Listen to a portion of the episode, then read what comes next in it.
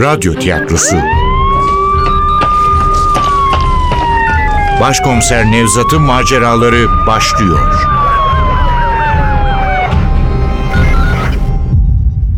Kırlangıç Çığlığı 28. Bölüm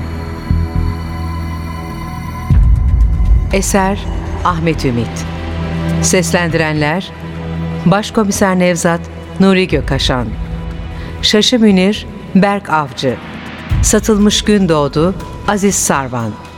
Ayber Zeynep Önen. Savcı Nadir Hakan Akın. Alper Tuğbe İstanbulluoğlu. Hulusi Dündar Müftüoğlu. Cenk Tuğrul Kızıldemir. Komşu kızı Elif Acehan. Efektör Cengiz Saral. Ses teknisyeni Hamdullah Süren. Yönetmen Yusuf Canlı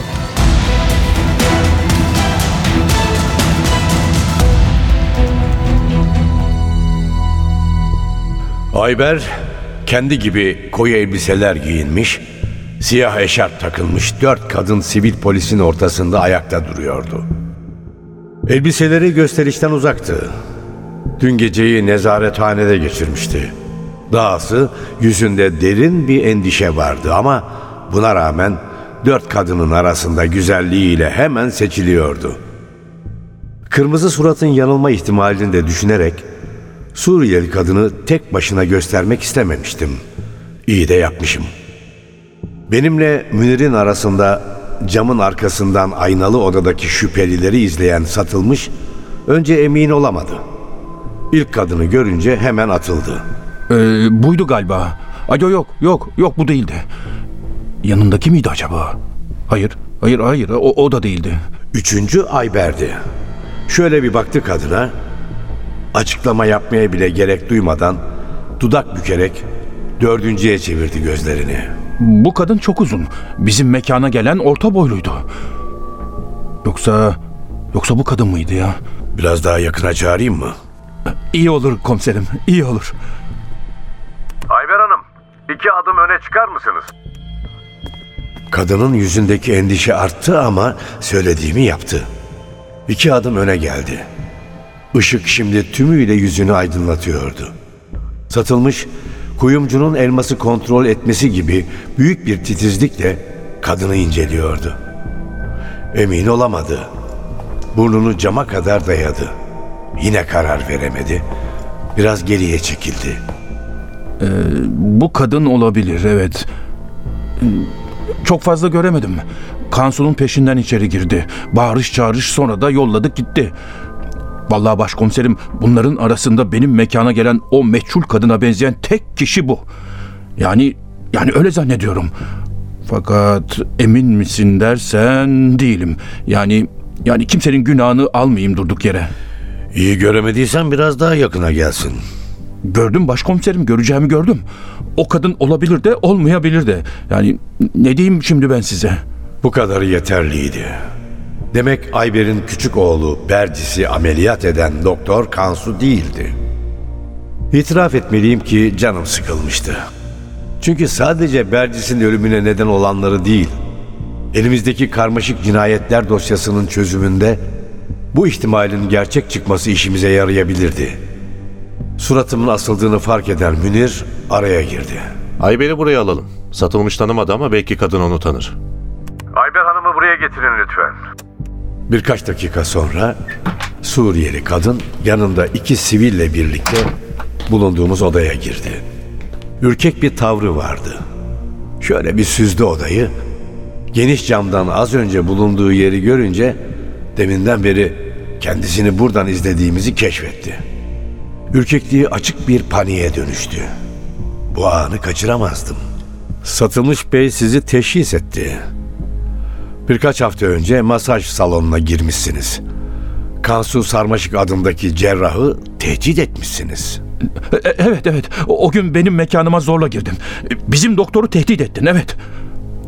Bakın Ayber Hanım, tehdit ettiğiniz adam birkaç gün önce öldürüldü. Katilin kim olduğunu bilmiyoruz. Eğer bize hakikatleri anlatmazsanız başınız büyük belaya girer. Zaten oğlunuz yüzünden şüphelisiniz. Eğer bizimle işbirliği yapmazsanız Zavallı kadın daha fazla dayanamadı, olduğu yere yığıldı. Ayber'i kaldırmak için üzerine eğilirken nihayet bir sonuca ulaştık diye seviniyordum. Ama öte yandan artık hem bedensel hem de ruhsal olarak tükenmiş bir insanı bu hallere düşürdüğümüz için kendimi suçluyordum. Bir polis için bu kadar empati fazlaydı. İşini yap Nevzat diye kendime telkinde bulunarak kadını omuzlarından yakaladım. Su, su verin. Bir, bir bardak su. Su yok mu burada? Ayber Hanım iyi misiniz? Uzanın. Uzanın şöyle yere uzanın. Söylediğimi yapmadı. Ani bir güçle doğruldu. Beni iterek ayağa kalktı. Az önce onu izlediğimiz camın önünde meydan okurcasına dikilmeye başladı. Evet, evet. O alçağı tanıyordum. Adını bilmiyordum ama Bercis'imi ameliyat eden o alçaktı. Tamam. Tamam Ayber Hanım. Hepsini konuşacağız. Gelin şöyle oturun. Hayır oturmayacağım. O alçağı ben öldürmedim. Ne ben ne de kocam.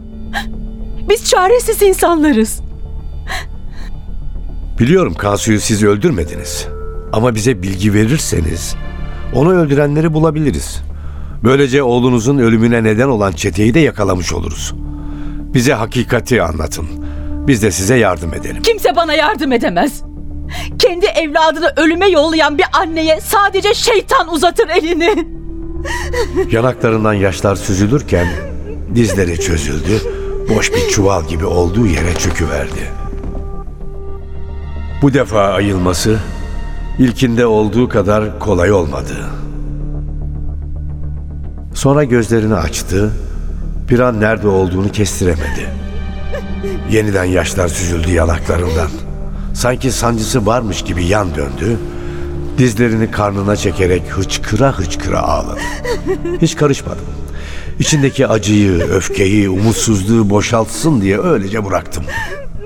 Önce gözyaşları kesildi.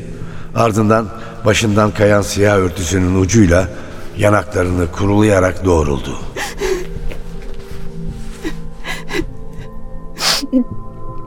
Anlatacağım. Her şeyi anlatacağım. Önce biraz su için.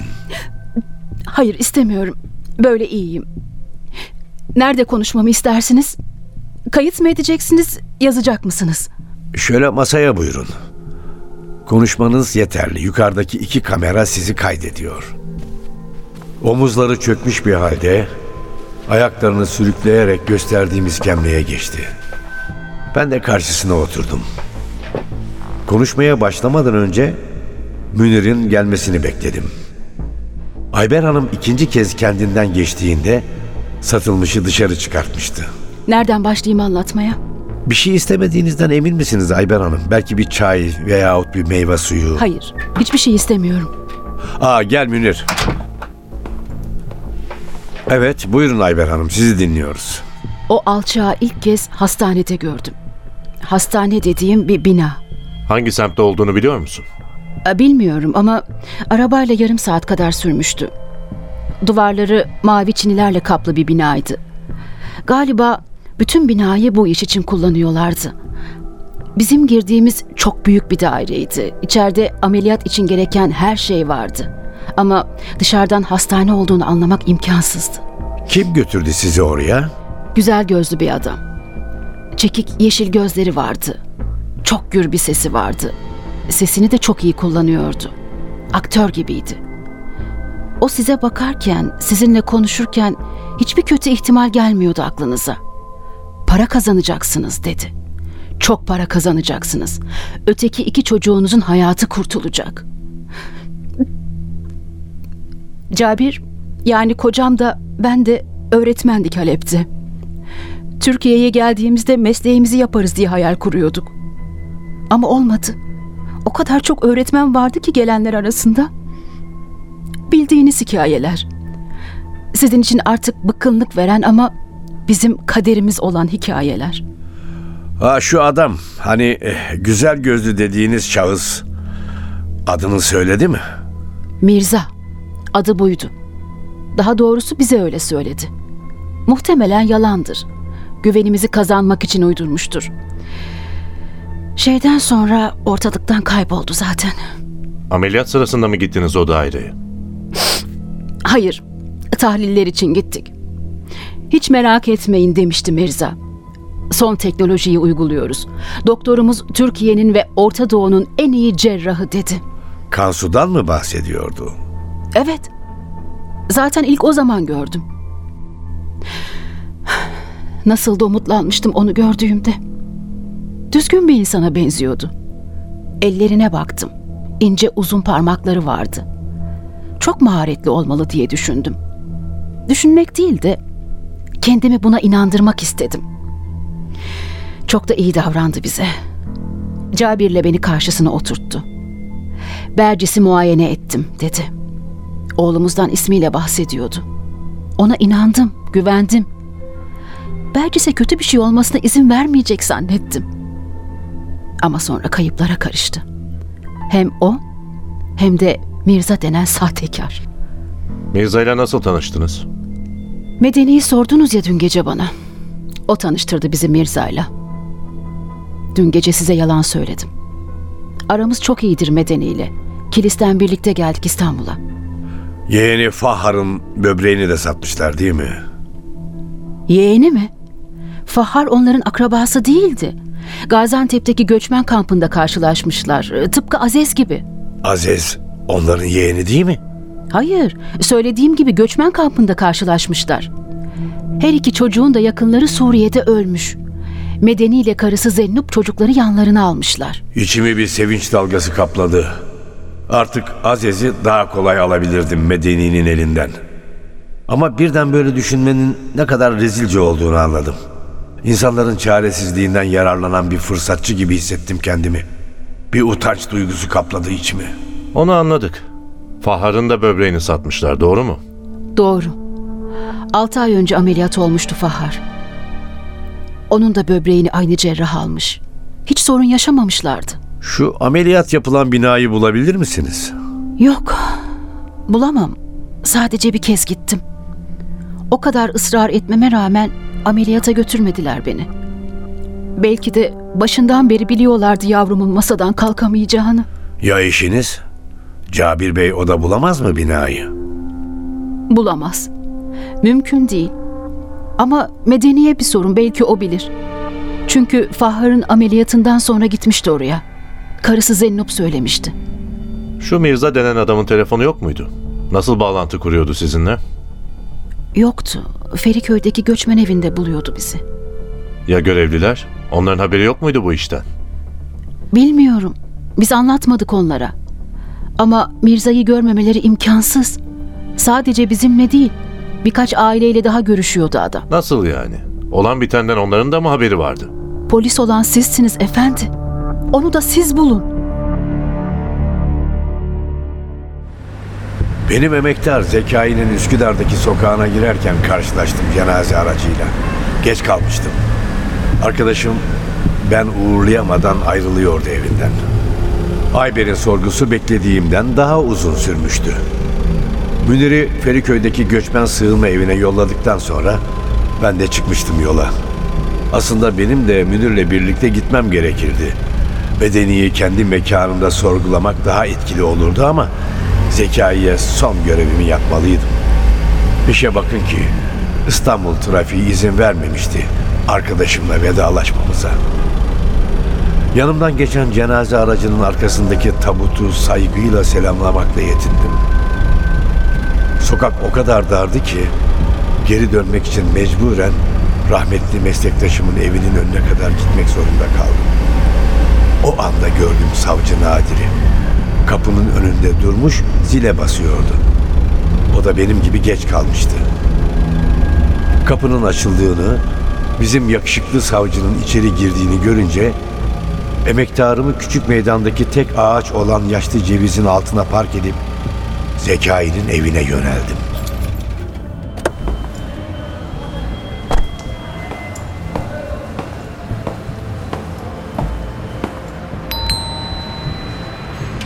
Geçen geldiğimde karşılaştığım komşunun kızı açtı kapıyı. Buyurun Nevzat Bey. Ama Celile Hanım sakinleştirici aldı. içeride dinleniyor. Başka kimse yok mu aileden? Küçük kardeşi Şinasi amca ile çocukları cenazeyi götürdüler. Hulusi amca var içeride. O kabul ediyor taziyeleri. Hatırlamıyordum Hulusi'yi. Ne önemi vardı ki zaten. Açıdan kapıdan içeri girdim. Erkekler salona toplanmışlardı. Kadınlarsa yandaki odaya sığışmışlardı. Salona girerken adeta buharlaşmış halde kesif bir limon kolonyası kokusu çarptı burnuma. Pencereler ardına kadar açılmıştı. Ama insafsız sıcağı zerrece etkisi olmuyordu. Güya insanları ferahlatsın diye verdikleri kolonya terle karışık dayanılmaz bir ağırlık oluşturuyordu salonda. Önce savcı Nadir'i seçtim. Siper güvenliğin sahibi Alper'le kır saçlı, kır sakallı bir adamın yanında oturuyordu. Yaşlı adam beni görür görmez ayaklandı. O zaman tanıdım. Zekai'nin ağabeyiydi. Merkeze kardeşini ziyarete gelmişti birkaç kez. Saygıyla yaklaştım. Başınız sağ olsun Hulusi Bey. Allah sabır versin. Hepimiz için büyük bir kayıp. Dostlar sağ olsun Nevzat Bey. Bilirsiniz sizi de çok severdi. Ben de onu çok severdim. Çok iyi bir arkadaştı. Çok da iyi bir polis. Nasıl oldu bu iş Nevzat Bey? O kadar katille, caniyle uğraşırken bir kez bile burnu kanamayan bu adam. Emekliliğinde nasıl böyle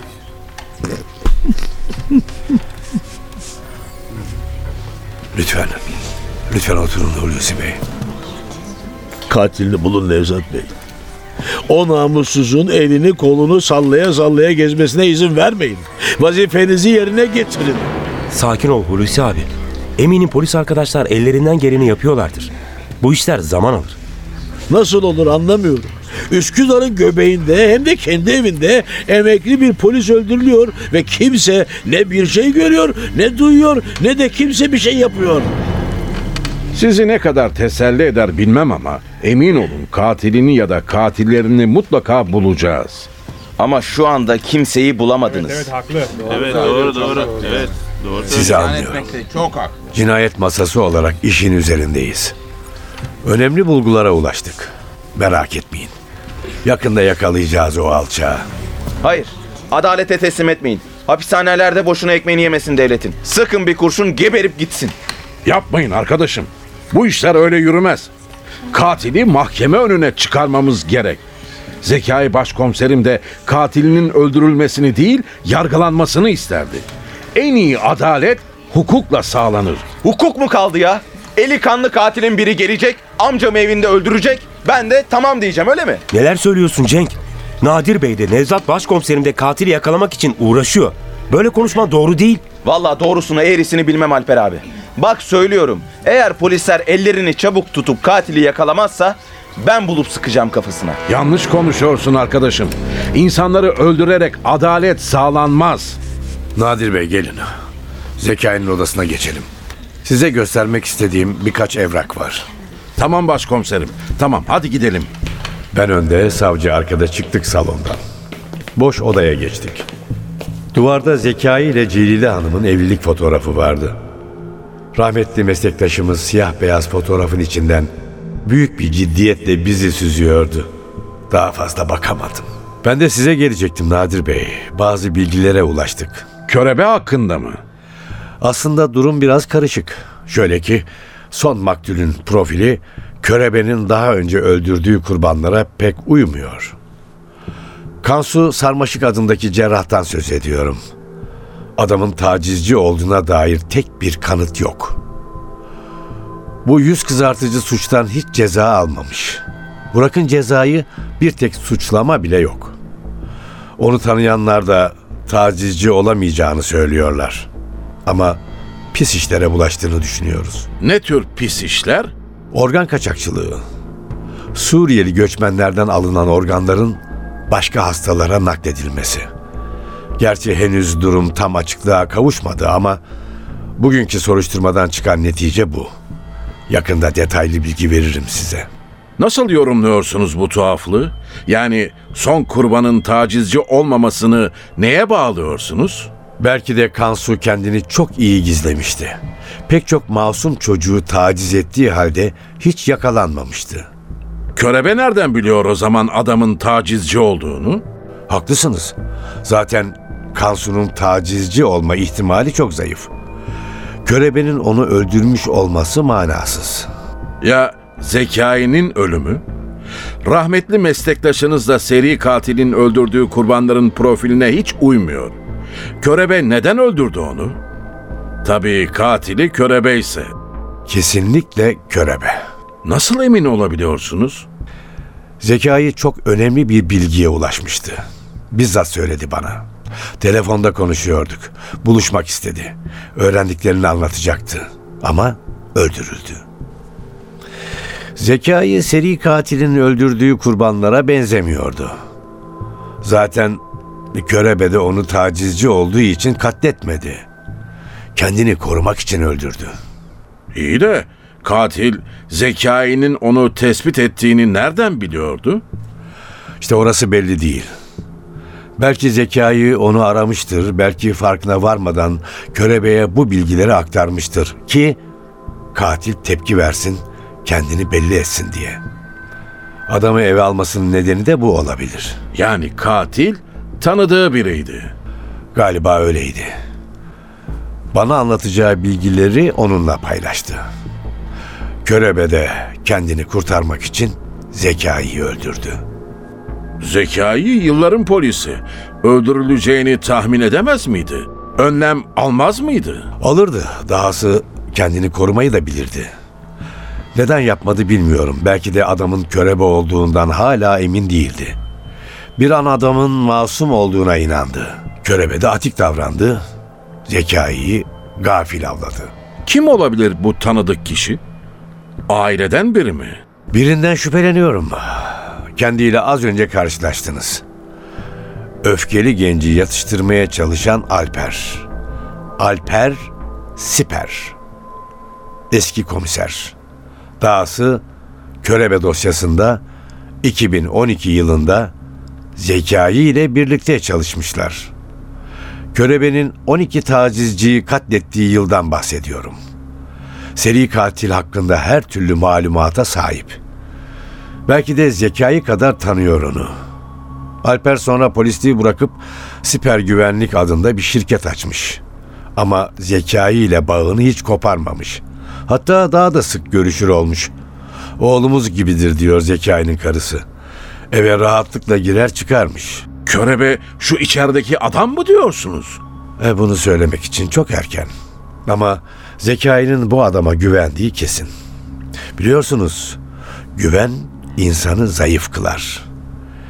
Zekayı gafil avlamasının sebebi de bu güven olabilir. Çok doğru. Nasıl ilerlemeyi düşünüyorsunuz bu Alper konusunda? Sorguya alacak mısınız? Gerek yok Nadir Bey. Ondan şüphelendiğimizi bilmemeli. Yüz yüze konuştum zaten. Son derece tutarlı şeyler söyledi. Belki de gerçekten masumdur. Merak etmeyin soruşturma iyi ilerliyor. Ama bu dosyada tek mesele körebenin kim olduğu değil. Kansu Sarmaşık gibi birinin neden öldürüldüğü. Bu cinayeti körebe gibi ritüellerine bağlı bir seri katilin işlemesi manasız. O zaman elimizde körebenin kurban profiliyle uyuşmayan iki cinayet olduğunu söyleyebiliriz. Ama iki cinayetin işlenme sebebi farklı olabilir diyorsunuz. Olabilir demiyorum. Kesinlikle farklı diyorum. Yani körebe dışında birileri daha var. Evet, eğer Kansu tacizci değilse kesinlikle cinayet işleyen başka birileri var. Körebeyi taklit eden birileri mi? Yahut kullanan birileri. Evet kullanan birileri olabilir. Kendi işlediği cinayetleri seri katilin üzerine yıkmak isteyen birileri. Burnuna kadar pisliğe bulaşmış, bu işten kurtulmak için de beş yıl önce işlenmiş cinayetlerden medet uman birileri. Elbette bunların hepsi birer ihtimal. Elimizdeki eksik bilgilerle, yarım yamalak kanıtlarla senaryolar oluşturuyoruz. O nedenle sizi sık sık rahatsız etmek istemiyorum. Daha kesin bilgi ve bulgulara ulaşınca sizinle paylaşacağım. Ama önemli bir damar yakalamış olabiliriz. O araştırmanın sonucunda daha kesin konuşabilirim. Bence ulaştığınız bilgi ve bulguları hiç beklemeden benimle paylaşırsanız daha iyi olur. Elbette kafanızdaki ihtimalleri ve senaryoları da. Birlikte daha kolay çözüm buluruz. Yanlış anlamayın Nadir Bey. Sizden bilgi saklıyor değilim. Sadece gereksiz ayrıntılarla kafanızı karıştırmak istemiyorum. Anlıyorum. Yine de aklınızdakileri öğrenmek hoşuma gider. Her zaman başkomiser Nevzat'la çalışmak nasip olmuyor bize. Anlaşıldı. Öğrendiklerimi paylaşacağım sizinle. Peki. E, Bunu yapmak zorunda değilsiniz ama siz de aklınızdakileri benimle paylaşırsanız memnun olurum. Ne demek? Elbette paylaşırım. Sonuçta biz bir ekibiz başkomiserim. Her fikir kıymetlidir. Zekai'nin evinde Körebe ile ilgili malumat çıkmadı mı? Ne de olsa hayatını bu katili yakalamaya adamıştı. Belki özel bir dosya tutmuştur. Tutmuş. Hatta usulsüzlük yaparak emniyet arşivindeki bazı evrakın fotokopisini almış. Fakat katil bu dosyayı ele geçirmiş olmalı ki ne evinde ne de teknesinde bulabildik. Elbette. Zekai'yi öldürme nedeni olan dosyayı ortalıkta bırakır mı adam? Ama dosyanın kopyası elimizde. Nasıl? Yoksa katil bir yerde mi bırakmış? Kaçarken filan. Körebe öyle hata yapmaz. Alper'de varmış bir kopyası. O verdi. Bir dakika, bir dakika. Alper bunu niye yapsın? Yani körebe oysa saçma değil mi? Dosyayı niye bize versin? Belki de verdiği dosyadaki bilgilerin en önemlilerini almıştır. Yani onun körebe olduğunu kanıtlayan belgeleri. Öteki bilgiler onu riske atmıyorsa bizimle paylaşmasında ne sakınca olabilir ki? Hiçbir sakınca olmaz elbette.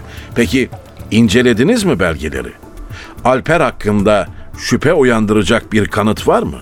Yahut bir bilgi? Şu anda Zeynep dosyayla ilgileniyor.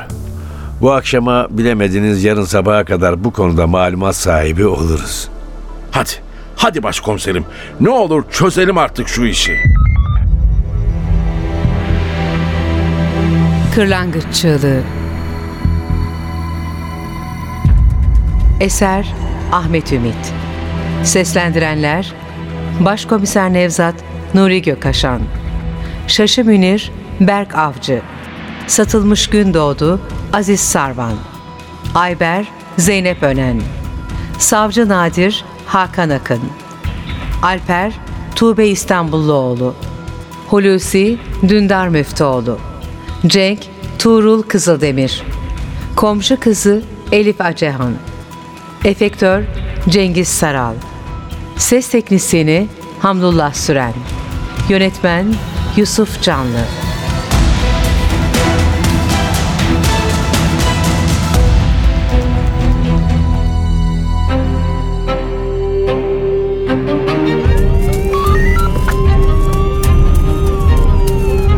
Radyo tiyatrosu. Başkomiser Nevzat'ın maceraları